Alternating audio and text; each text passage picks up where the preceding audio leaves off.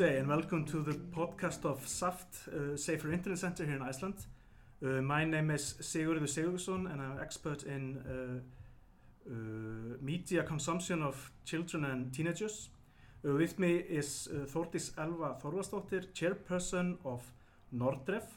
They recently had a seminar called When Sexual Privacy Meets Gender Equality in a Digital World. Welcome, Þórdís. Thank you. Uh, what can you tell me about uh, this seminar you uh, conducted just a few weeks ago? Right. Well, as the title describes, it's about sexual privacy and how that sort of affects gender equality in a digital world because we know that the most common sexual privacy violations, such as the infamous dick pic, to name one, where people are sending, men for the most part, are sending pictures of their private parts to women who had at no point expressed an interest in such a photo, Mhm. or even girls, because many of victims of such harassment are actually underage. But um, the the reason for the title is because, as we know, that these sexual privacy violations, such as the infamous dick pic, and also the um, the spreading of nude photos without consent is something that first and foremost targets women and girls. We were a bit curious as to what it does in the long run to gender equality. And unfortunately, we are seeing some developments in that area uh, that point to women and girls being less likely now to partake in democratic discussions on the internet and be less um, likely to speak up on issues that they feel are important.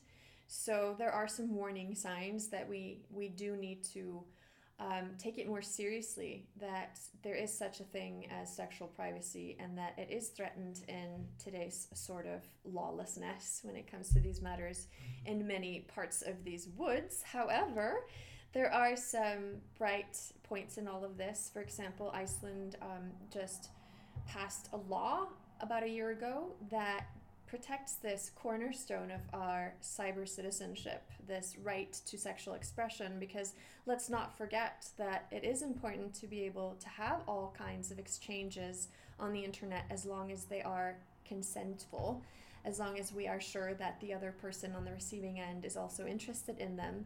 And therefore, having the right to a sex life via digital means is important and it's worth protecting, which means that we have to be very clear about what is, um, you know, consent and what is uh, communication that we should encourage, and what is actually violence and um, harassment. So that that is what we were sort of diving into in this particular seminar. And what, in your opinion, was the highlight of the seminar? Some fact or or some, you know, uh, uh, some, what would you call it? Like, just called highlight. Mm. Well, oh, there were many highlights. I I was inspired by how encouraged some of these experts seemed in in their view on this whole thing. They've been working within the realm of digital rights and online abuse for years, and they were they were all bushy-tailed and bright-eyed when they said that so many things have happened that are moving in the right direction. There's been a general awareness awakening, and uh, legislators are also sort of uh, discovering how important all of this is, and you know we are setting more and more boundaries, and and just I guess altogether discovering that this magnificent tool that the internet is is something that we need to to protect by setting boundaries and rules um, because the lawlessness of it all unfortunately invites all kinds of um, abuses so to Mhm. speak so that was that was one thing to just see the people that have been leading this discussion be so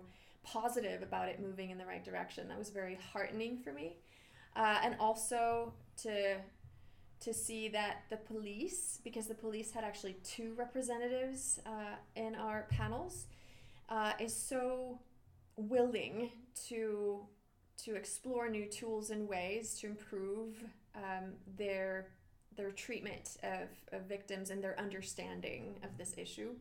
So that was also another thing that I brought with me to inspire um, this, I think, cross professional discussion that we need to have because of course at the end of the day we need everyone. We need parents we need police we need educators we need um, you know government. We need all of us to come together to create the online world we want to see. So it's it's a joint effort.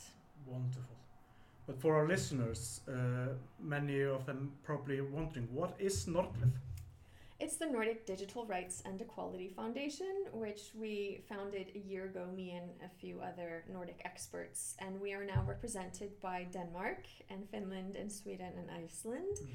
And the whole notion with Nordref is that we want to create an internet where everyone can live to their fullest potential.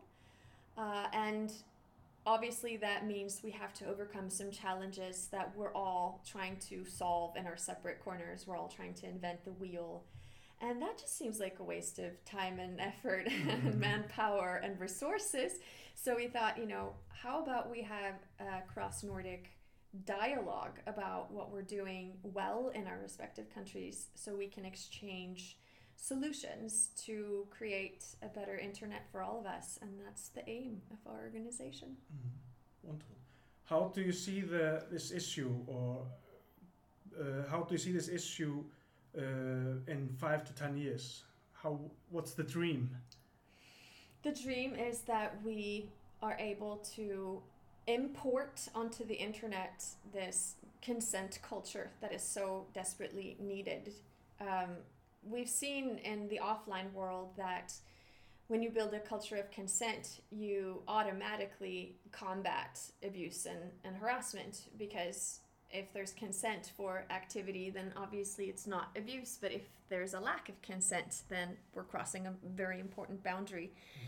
Uh, and if we are able to import that mindset onto the internet that you have to have consent for everything you do there as well, in terms of intimate exchanges, then I think we would be a whole lot closer to having eradicated a majority of the privacy violations mm. we're seeing today.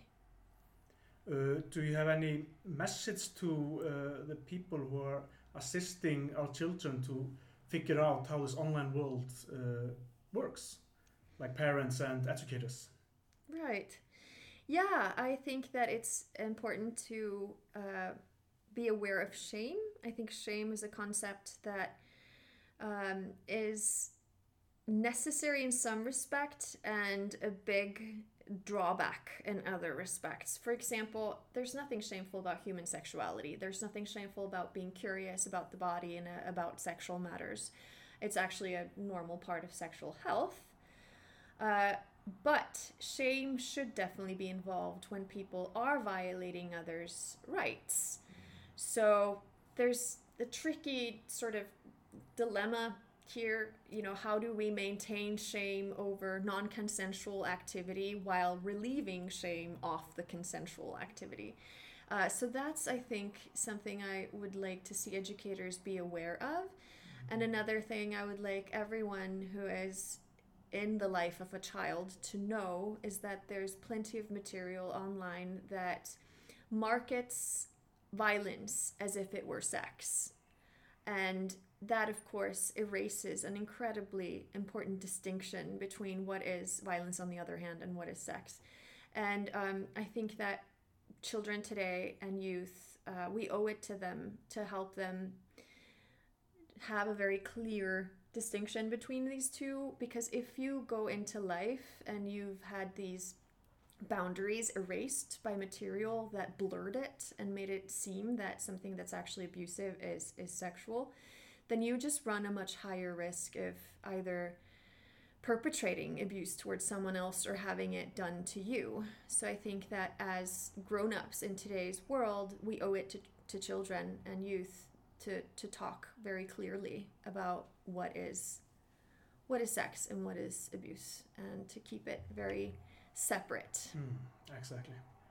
That's a wonderful message. Uh, where can people see more about Nordref and yourself online? Mm. Oh, we exist everywhere.